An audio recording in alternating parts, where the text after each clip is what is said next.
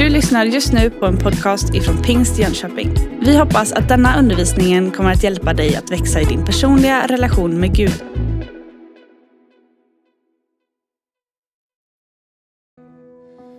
Tack Jesus. Varsågod stå kvar så kan vi läsa tillsammans från första Mosebok kapitel 15. Ska jag utmana dig och mig med orden från skriften utifrån Abrahams liv. Där står det så här. Därefter kom Herrens ord till Abraham i en syn. Han sa, var inte rädd Abraham, jag är din sköld, din lön ska bli mycket stor. Men Abraham sa, herregud, vad ska du ge mig? Jag går ju bort barnlös och arvinge till, och arvinge till mitt hus är Eliaser från Damaskus. Och Abraham fortsatte, se mig har du inte gett någon avkomling, så det blir en av mitt husfolk som ärver mig. Men Herrens ord kom till honom, det är inte han som ska ärva dig. En som kommer från din egen kropp ska bli din arvinge. Sedan förde han honom ut och sa, se upp mot himlen och räkna stjärnorna om du kan räkna dem. Och han sa till honom, så ska din avkomma bli. Och Abraham trodde på Herren och han räknade honom det till rättfärdighet. Herre, jag ber dig nu om välsignelse för ditt ord. Jag ber att du skulle tala och utmana oss. Herre, jag ber att du skulle visa oss någonting större, någonting mera. Jag ber att du skulle välsigna det, Herre. Jag ber för alla som lyssnar, låt dem få vara lyhörda för det som du vill så och plantera och vattna på i deras liv. Och Herre, jag ber också att du ska hjälpa mig att formulera det jag ska, vara tyst med allting annat. Herre, vi bara överlämnar resten av den här gudstjänsten i dina allsmäktiga händer. I Jesu namn. Amen. Varsågod och slå dig ner en liten stund. Hoppas att du hade möjlighet att vara med någonting förra veckan ute på Nyhemsveckan. Är det så att du av någon anledning inte hade chans att vara där så eh, är det ju tillgängligt online och väldigt många goa möten alltså. Eh, det är ju det var lite häftigt. Jag skulle skjutsa ut mina tonårstjejer på ungdomskonferensen som började på fredagen. Och när vi bara liksom åkte in där på området så hör jag någon som så lite, lite klumpigt rör, eller lite rörd med klumpar i rösten formulerar sig så här bara. Nå, nu känns det som om corona verkligen är över. Nu är det som vanligt. Eh, och någonstans få vara på en plats under en lite längre tid, det, det blir ju som ett läger utav upplevelser, utav god undervisning.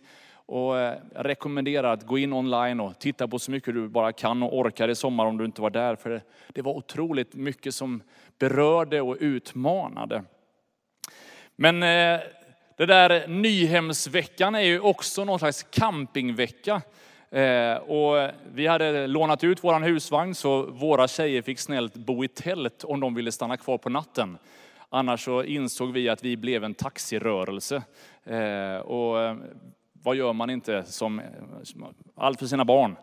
Man får på något sätt intala sig det när man kör många gånger på natten. Men de bestämde sig för att bo i tält. Och jag bara lyfter på hatten för alla vuxna som tänker att sommaren är underbar med tält.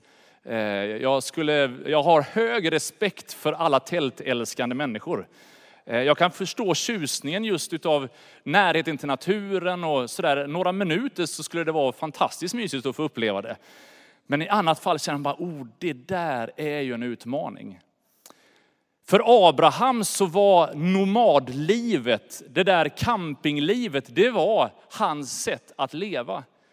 Vi kan läsa i Abrahams liv lite tidigare i första Mosebok hur Gud kallar honom ut ur bekvämligheten och säger, jag ska ta dig till ett annat ställe. Jag ska visa dig en annan plats och jag ska leda dig till ett, en plats där du ska få bli en välsignelse för massor med människor.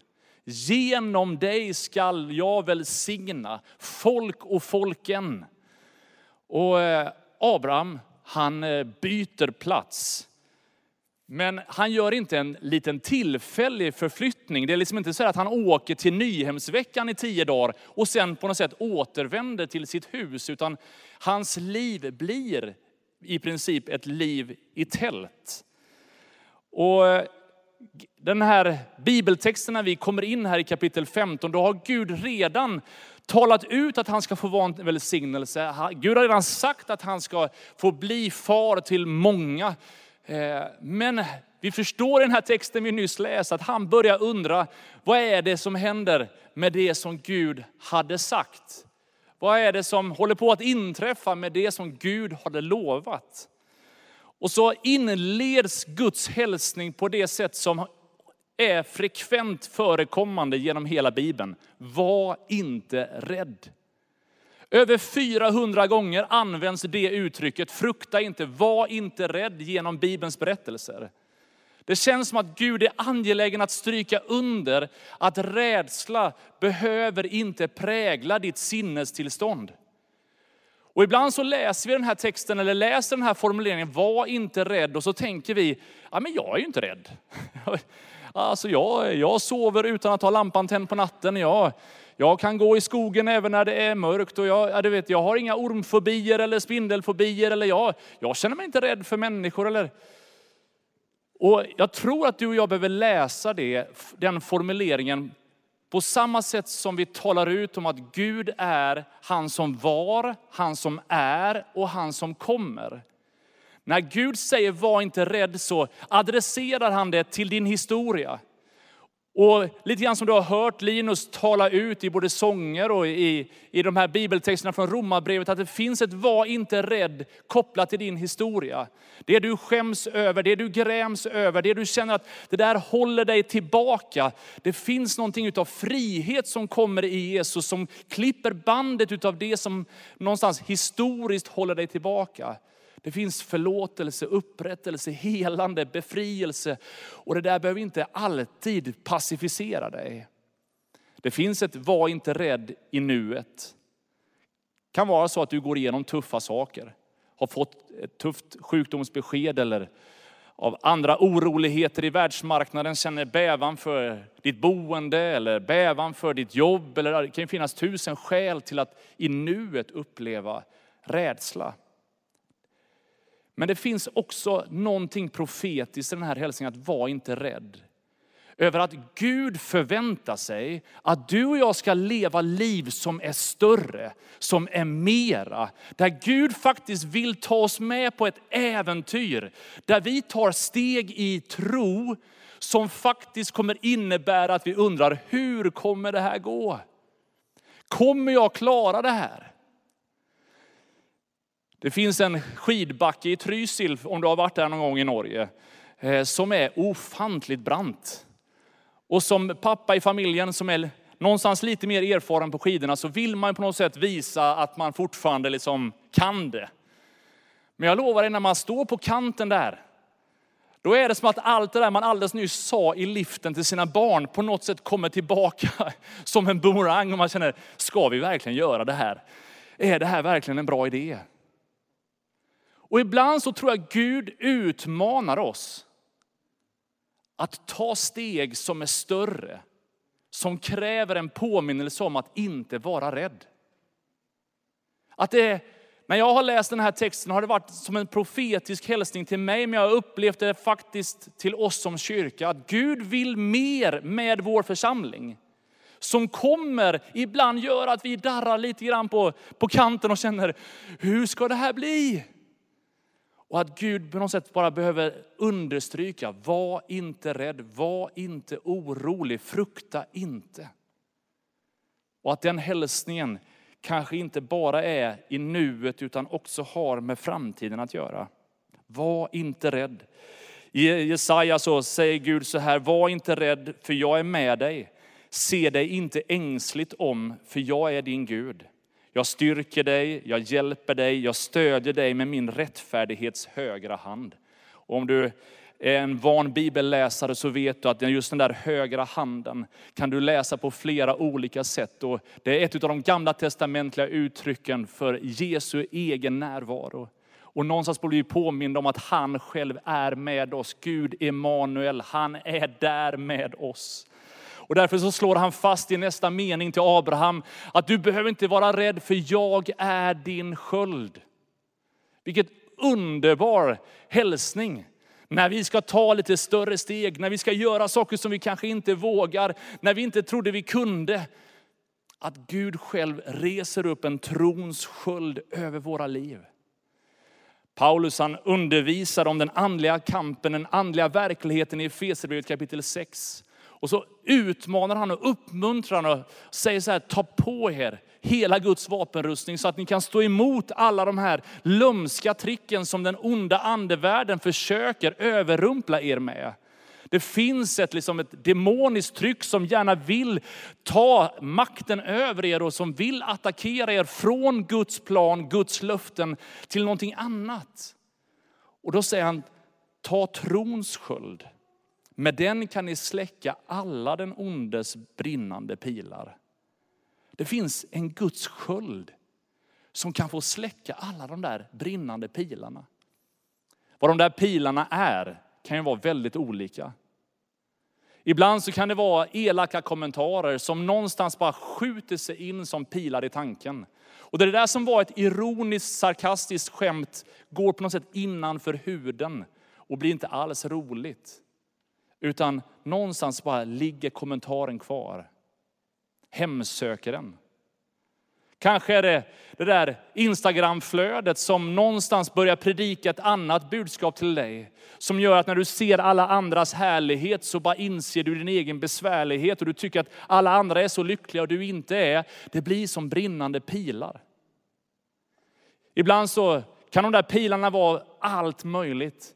Men de får på något sätt fäste i vår tanke och begränsar möjligheten att leva ett liv större och mera och vara den välsignelse som vi är tänkta att vara. I bergspredikan så säger Jesus att Guds församling är tänkt att vara salt och ljus. Och har du varit en kristen en längre tid så känner du igen den gamla barnsången. Det lilla ljus jag har, det ska få lysa klart. Och någonstans att vi inte sätter den under skeppan. Vi ska inte sätta den långt ner under ljushållaren utan vi ska lyfta upp ljuset så att det lyser klart. Så att alla ser det. Men ibland så kan alla de där pilarna, alla de där kommentarerna, alla de där åsikterna, allt det där gör att vi förminskar och någonstans hamnar vi på något sätt underläge. Vi behöver lyfta en trons sköld som säger bara Jesus, hjälp mig att inte vara rädd. Nu behöver jag ditt beskydd för de här tankarna håller på och äter upp mig. Bibelns löfte på något sätt är att vi inte behöver vara oroliga. Så att ha ångest, vara orolig, bruten nattsömn för all stress och press. Nej men Gud, jag behöver din sköld över mina tankar. Jag behöver din sköld över mina, mina, min, mina känslor. Även när tiden går behöver jag hålla fast vid det du har sagt. Oavsett vad andra säger behöver jag hålla fast vid det du har sagt. Även om kroppen är svag behöver jag hålla fast vid det du har sagt. Jag är din sköld.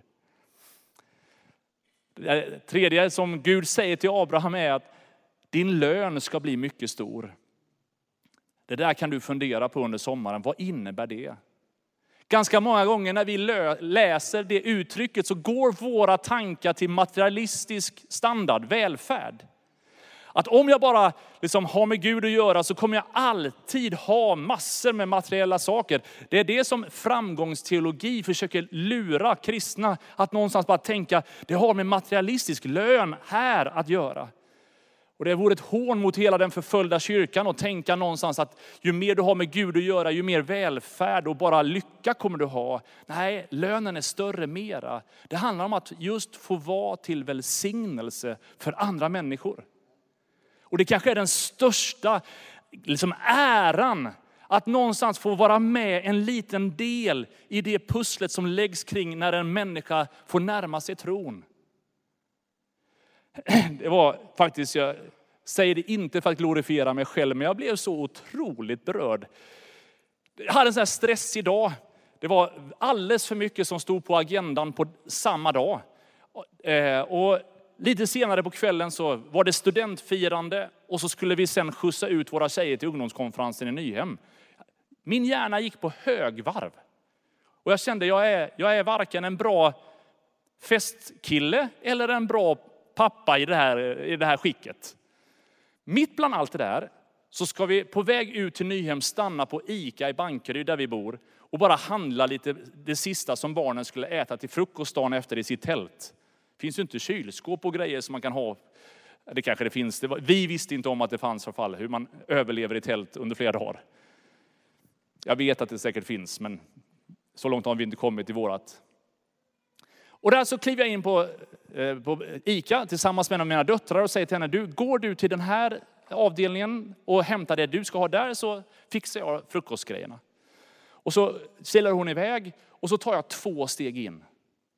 Så kommer det en annan man som bara så stegar fram mot mig och säger, bara, hej, visst heter du Marcus Ardenfors? Och jag bara så här, eh, ja. Och sån där, nu vet jag inte vad som ska komma. Och han bara så här, du, jag har jag skulle verkligen bara vilja säga några saker till dig. Och någonstans känner man bara, jag är inte riktigt närvarande här, men vad, vad är det du vill säga? Då berättade han att han bodde i Flen när jag var ungdomspastor i Eskilstuna. Och eh, han har flyttat till Jönköping för nio år sedan och tänkt att någon gång kommer jag springa på Marcus Ardenfors igen. Och då ska jag säga till honom vad han fick betyda när jag var ung tonåring. Och så berättar han att de hade ingen ungdomspastor i den kyrkan så att de tog lite rygg på Eskilstuna och vi hade som ett regionalt ungdomsarbete lite grann. Och någonstans så väldigt personligt och väldigt ingående berättar han väldigt uppmuntrande saker precis där framför liksom de här eh, grönsaksdisken precis innanför dörren. Och här kommer ju massa andra människor. Jag blir så här lite blödig. Kanske både var trött och gripen utav stunden. Och någonstans känner man bara, det finns ju ingenting bättre än att förstå att mitt liv faktiskt kan få vara med och göra skillnad för andra. Och jag skulle bara vilja uppmuntra dig. Att det kanske finns massa människor som du ännu inte har mött, som du en gång har fått betyda någonting för. För honom tog det ungefär 25 år att, att berätta det där för mig. Men jag är glad att han gjorde det. Och jag tänker bara, låt oss leva sådana liv.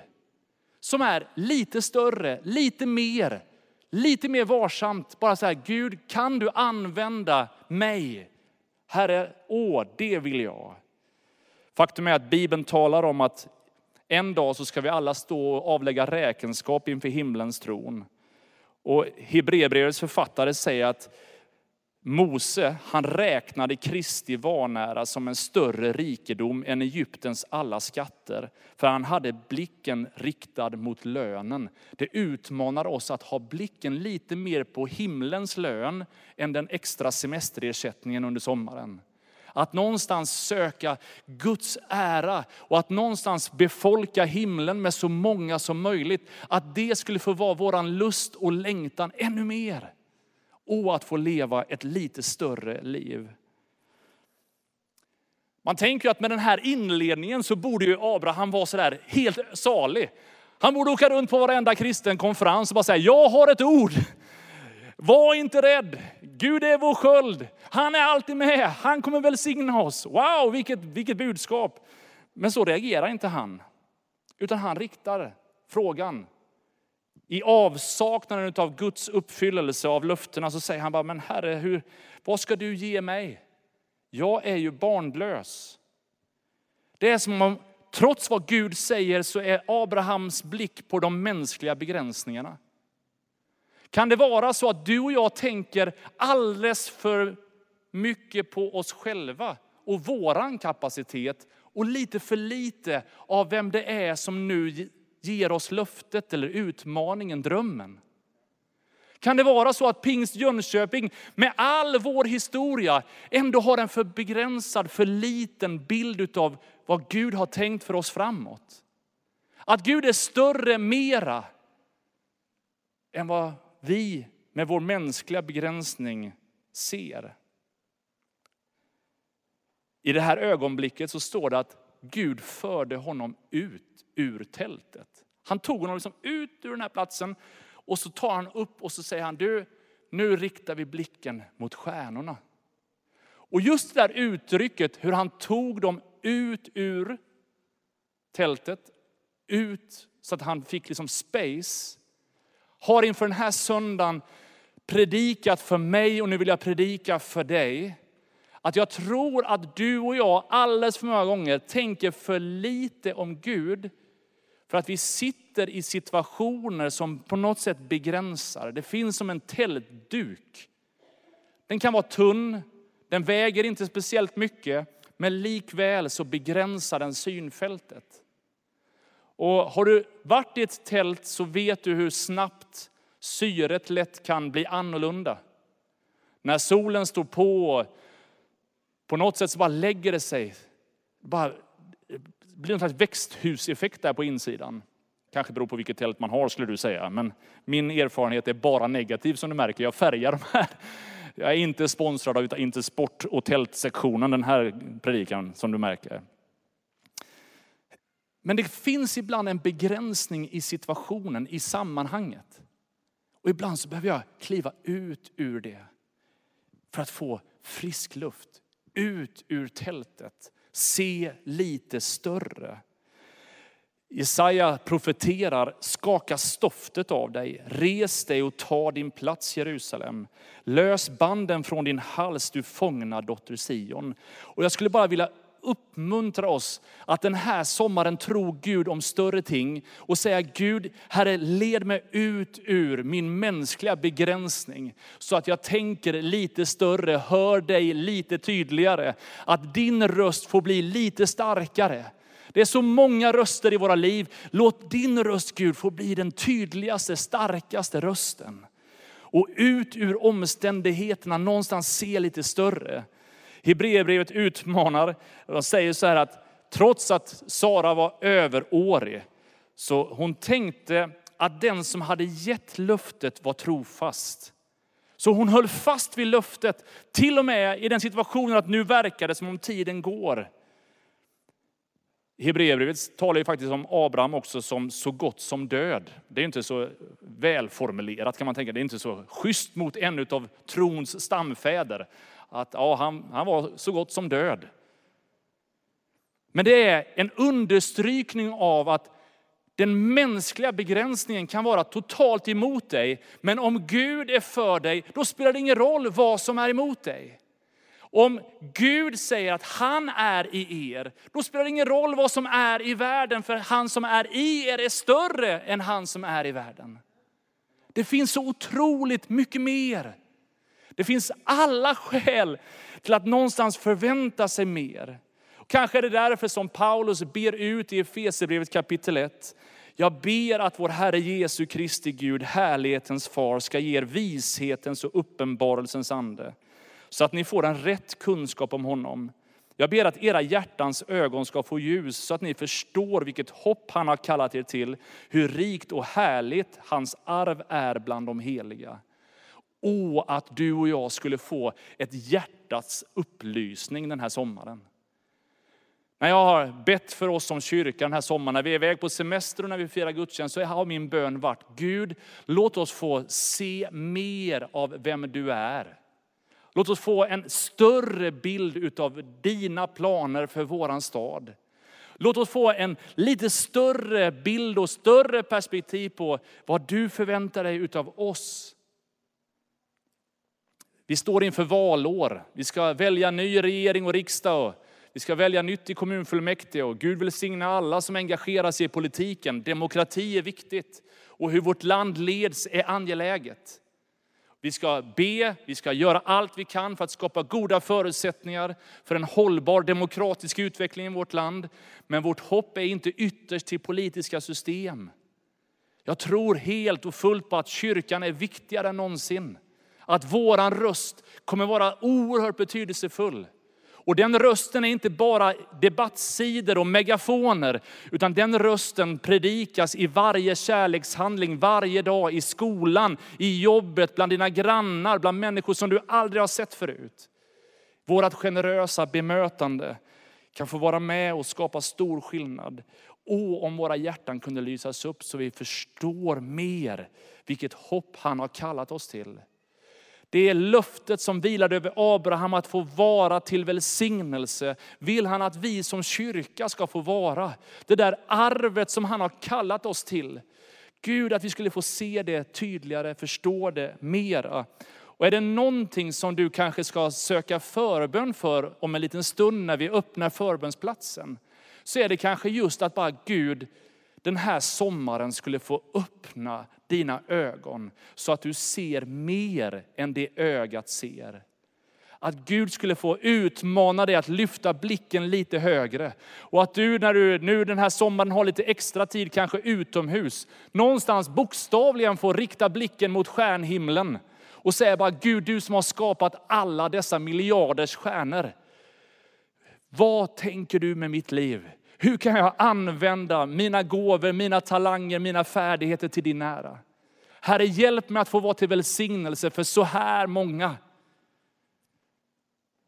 Även om det var lite humor när Gud utmanade Abraham att försöka räkna stjärnorna, försöka räkna sandkornen, så tror jag att Gud vill utmana oss att se större, se mera. Och i Efesierbrevets början så står det att han har välsignat oss med all den himmelska världens andliga välsignelser. Det är ju inte lite. Det är, ju, det är ju ganska mycket faktiskt, om man ska vara ärlig. All den himmelska världens andliga välsignelser. Det är ju otroligt mycket. Och då är min retoriska fråga, hur mycket av den andliga världens välsignelser upplever du en vanlig dag i ditt liv?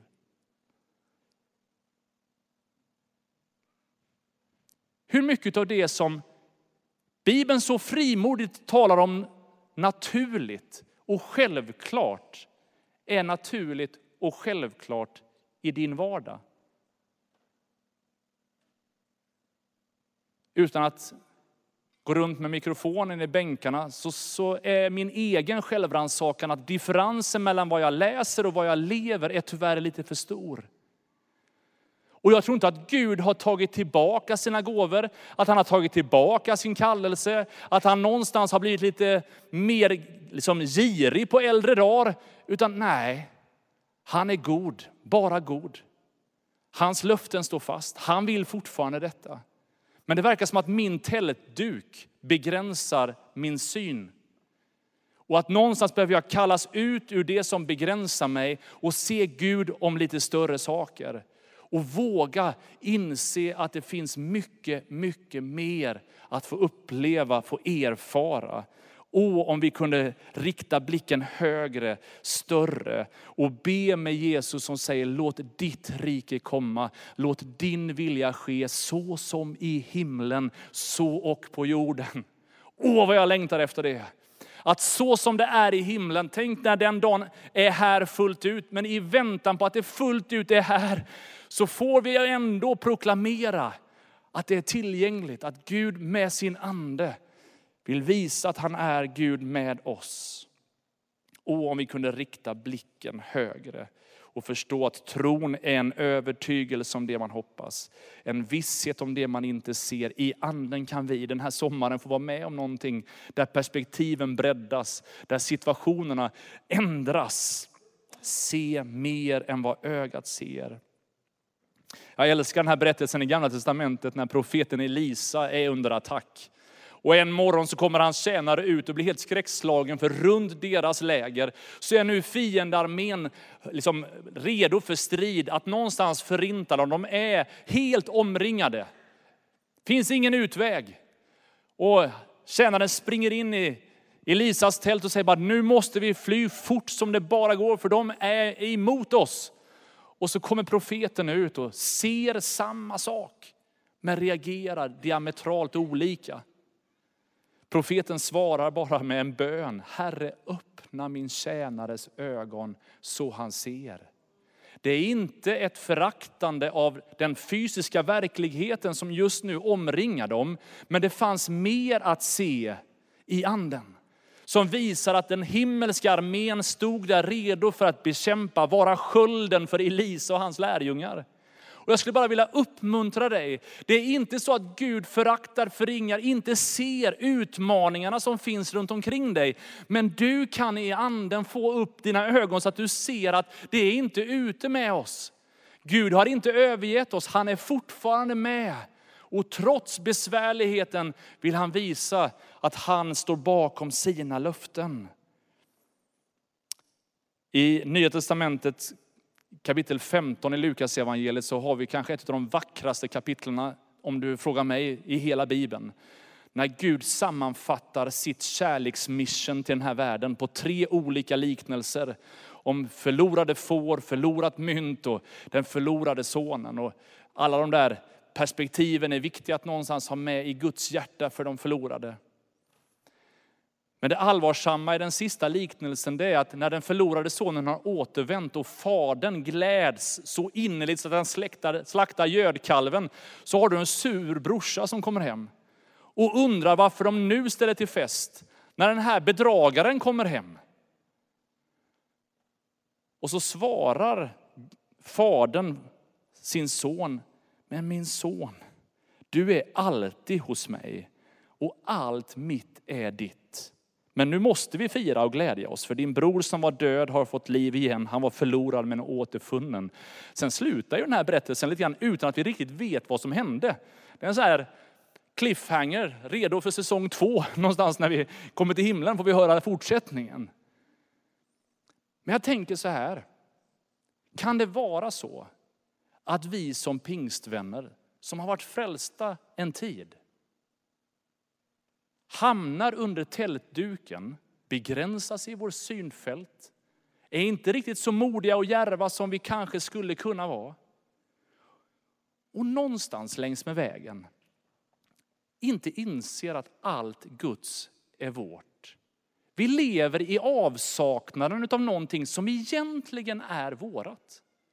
Det är ju det som på något sätt är Faderns underton. Men hallå, den här festen är tillgänglig varenda dag för dig. Det här kan du leva i hela tiden. Allt det här goda är mitt. Det är också ditt. All den himmelska världens andliga välsignelser är dig givna. På samma sätt kan du få leva i detta. Så en del saker behöver du inte längta efter. Det är bara att kliva ut i. Det är inte längre bort än att du bara tar ett steg och säger bara, Gud nu vill jag gå med dig. Ah, jag längtar efter ett helande, jag längtar efter att Gud skulle få visa en väg här. Jag, ja, men du vet, ibland kanske det bara är ett steg ifrån dig. Ja, men hur ska jag kunna få vara till välsignelse för hela den här världen? Ja, men det kanske börjar med en bordsbön tillsammans med din familj till middagen i eftermiddag. Kanske är bara att ringa någon i veckan. Kanske inte är så långt bort. Men vi kanske behöver ett andligt uppvaknande. Ibland talar vi om väckelse som någonting som behöver drabba landet, behöver drabba världen. Och jag tror att vi förenas i längtan över att vi vill att många ska komma till tro. Men min tolkning av väckelse det är att de slumrande kristna vaknar och förstår vad de har fått. Så att vi blir den välsignelse som vi är tänkta att vara. Och när vi är det så tror jag att det blir lättare för andra människor som ännu inte har tagit emot tron att någonstans, oh det här skulle jag också vilja ha. Men hur kommer de kunna tro om ingen predikar? Hur kommer de kunna höra om det är ingen som berättar för dem? Om inte den slumrande jätten vaknar till liv. Det kanske är därför vi behöver ett andligt uppvaknande. Och jag vill bara utmana dig när vi alldeles strax öppnar upp förbönsplatsen här. Att du bara söker Gud, att vi får ha en sån här helig stund. Vi är inte fler i det här rummet än att vi kan liksom välsigna och be för alla om så behövs. Och jag skulle bara vilja utmana dig att någonstans bara lägga din sommar i Guds händer. Och bara säga Gud, här är mina semesterplaner. Här, använd detta. När jag och Gabriella hade varit gifta ett tag, vår första vår bröllopsresa, då hade vi inte så mycket pengar. Hon pluggade och jag var ungdomspastor. Vi hade inte, det var, jag tror jag hade 10 000 i lön. Eh, så vi hade inte så mycket, men vi sparade lite. Och så åkte vi på bilsemester i, i Danmark. Vi hade inte råd att bo någonstans. Vi sov i bilen och det regnade kopiöst. Till slut fick vi ringa hem så fick svärfar sätta över lite pengar så hade vi råd till bensinen hem igen. Det var ingen succéresa kan jag säga. Eh, några år senare så hade vi fått spara ihop lite mera så då kunde vi åka till Thailand. Och det var ju liksom bara woho! Och första kvällen när vi kom fram så knäppte vi våra händer och så sa vi bara Gud, nu är vi här. Vi tänker vara på den här stranden. Vill du använda oss, vill du att vi ska få vara till välsignelse, så ja, då vet du, här är vi. Men vi ska njuta här. Några dagar senare så var vi en kväll inne i en närliggande stad. Och det var en sån där stad som var så fruktansvärt mörk. Jag har nog aldrig varit i något ställe på kvällen där jag har känt sånt obehag. Det var extrem prostitution, massor med knark. Det var som man kände bara, jag är på den mörkaste platsen. Hur hamnade vi här? Efter en stund så kände vi att vi måste äta någonting bara innan vi åker tillbaka där vi, liksom, där vi bodde. Så vi går in på en restaurang och så går det fram en kvinna och sätter sig vid så här, synt, eh, elpiano. Och så känner man sig, alla restauranger tävlade om vem som hade liksom mest instrument i sitt husband. Och det var inte alltid som de var synkade riktigt, så man kände, oh nej, ska de börja spela? Och så börjar hon lägga ett ackord på pianot. Och så börjar hon köra Jesus, lover of my soul. Jesus, I will never let you go. Och så börjar hon sjunga massa lovsånger. Och helt plötsligt så både jag och Gabriella bara, wow, det här, det här var ju något annat. Och hon ser väl någonstans bland alla andra som sänker blicken så finns det ett ungt par mitt i restaurangen som bara, wow, yes, bra. Så efter en stund så lägger hon ifrån sig sitt instrument, kommer ner till vårt bord. Och jag bara så här, wow, det här är ju underbart. Alltså det här behövs ju verkligen här. Det här är ju som Paulus och Silas. Du ber och sjunger lovsånger vid midnatt och alla som hör här och jag bara gick på. Och så börjar hon gråta. Och så säger hon så här, du, jag flyttade hit för några år sedan tillsammans med ett team från Filippinerna och från USA. Vi har planterat en kyrka här. Men de senaste månaderna så har de andra fått åka hem. Deras liksom visum och annat gjorde att de fick åka hem. Så nu är jag ensam kvar med den här lilla församlingsplanteringen. Och jag har sagt till Gud så många gånger, jag orkar inte mer. Och i morse så sa jag till Gud, om inte du visar mig en enda grej att någonstans jag ska vara kvar här, då, då kommer jag också lämna. Och just den kvällen så råkade det där unga paret från Sverige sitta på den där restaurangen. Vi kände oss inte heliga. Vi var inte så där, och nu har vi sökt Gud, bett och fastat i flera veckor för att på något sätt ta ett steg i tro. Det var bara någonting som bara, Gud här är vi, här använd oss. Och det finns så mycket den där enkla semesterresan som lärde mig att Gud är större, mera. När jag fick predika i hennes lilla kyrka där, någon vecka senare, innan vi skulle åka hem, så avslutade de den gudstjänsten med att säga så här, vi, vi har ju inte möjlighet att betala er för att ni kommer och hälsa på. Vi bara, nej men det var inte därför vi kom. Men vi vill gärna be för er. Och så ber hon och församlingen för oss. Och helt plötsligt så stannar den här kvinnan upp och säger bara, du, det är som om Gud säger någonting till mig. Jag vill bara skicka det till dig. Gud vill bara påminna dig om någonting som han redan har sagt. Men det verkar som om du inte riktigt tror att det är från honom, så därför vill han bara stryka under. Och sen använder hon ordagrant en profetisk hälsning som jag hade fått här i den här kyrkan på en evangelistvecka något år innan. Som var så starkt och så stort så jag tänkte, det kändes så utopiskt långt bort från mig. Det kändes som att räkna stjärnorna när jag ändå på något sätt var inne i tältet. Det var för långt bort. Men helt plötsligt så är det som att bara Gud så supertydligt talar ut några saker som jag har haft glädje utav och styrka utav att navigera efter. När jag är rädd, när jag är orolig så lyfter jag upp de där orden som en sköld och säger Gud du har sagt, du har lovat, du har sagt det här. Så i samma ögonblick som vi säger låt oss få vara till välsignelse så kommer du och jag också bli välsignade. Ju mer vi gör ut så kommer han hela tiden att bara fylla på med det som du och jag behöver. Och nu håller jag på att predika en ny predikan, det ska jag inte göra. Jag skulle bara vilja välsigna dig Be att den här sommaren fick bli en sån här sommar där du kallas ut ur tältet. Om du brukar gå i vår kyrka, om du ser det här som ditt andliga hem, så vet du att under coronapandemin har vi varit med om en hel del utmaningar. Men vid varje sånt ögonblick där vi tänker att nu, nu vet vi inte vart ekonomin tar vägen, så verkar Gud ha öppnat nya dörrar. Och någonstans så har vi också här under våren bara sett förundrat hur Gud håller på att öppna dörrar större än vad vi trodde var möjliga. Därför så hoppas jag att vi gemensamt söker Gud. Att någonstans bara, Herre låt oss få höra din röst, se framtiden, se hur du vill använda oss lite tydligare gemensamt.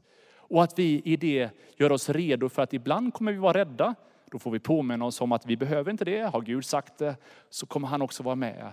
Och när andra kommer ifrågasätta det så får vi säga Gud, du är vår sköld. Du håller din hand över oss. Tackar dig för att du är med. Och i vår egen begränsning känner jag kan inte detta. Så verkar du kunna skapa ur det som inte är till som det är till. Vi ska få lyssna till en sång, Linus ska få sjunga för oss. Sen ska vi få öppna förbönsplatsen. Jesus, jag tackar dig för förmånen att få läsa ditt ord den här söndagen. Tack för det du utmanar oss med, det du utmanar oss till. Och nu bara ber jag dig att du skulle använda allt det som har sagts och sjungits och bara fortsätta att predika för oss, utmana oss. Herre, jag ber att du skulle öppna våra ögon så att vi ser hoppet, ser arvet, ser kallelsen som du har tänkt för oss.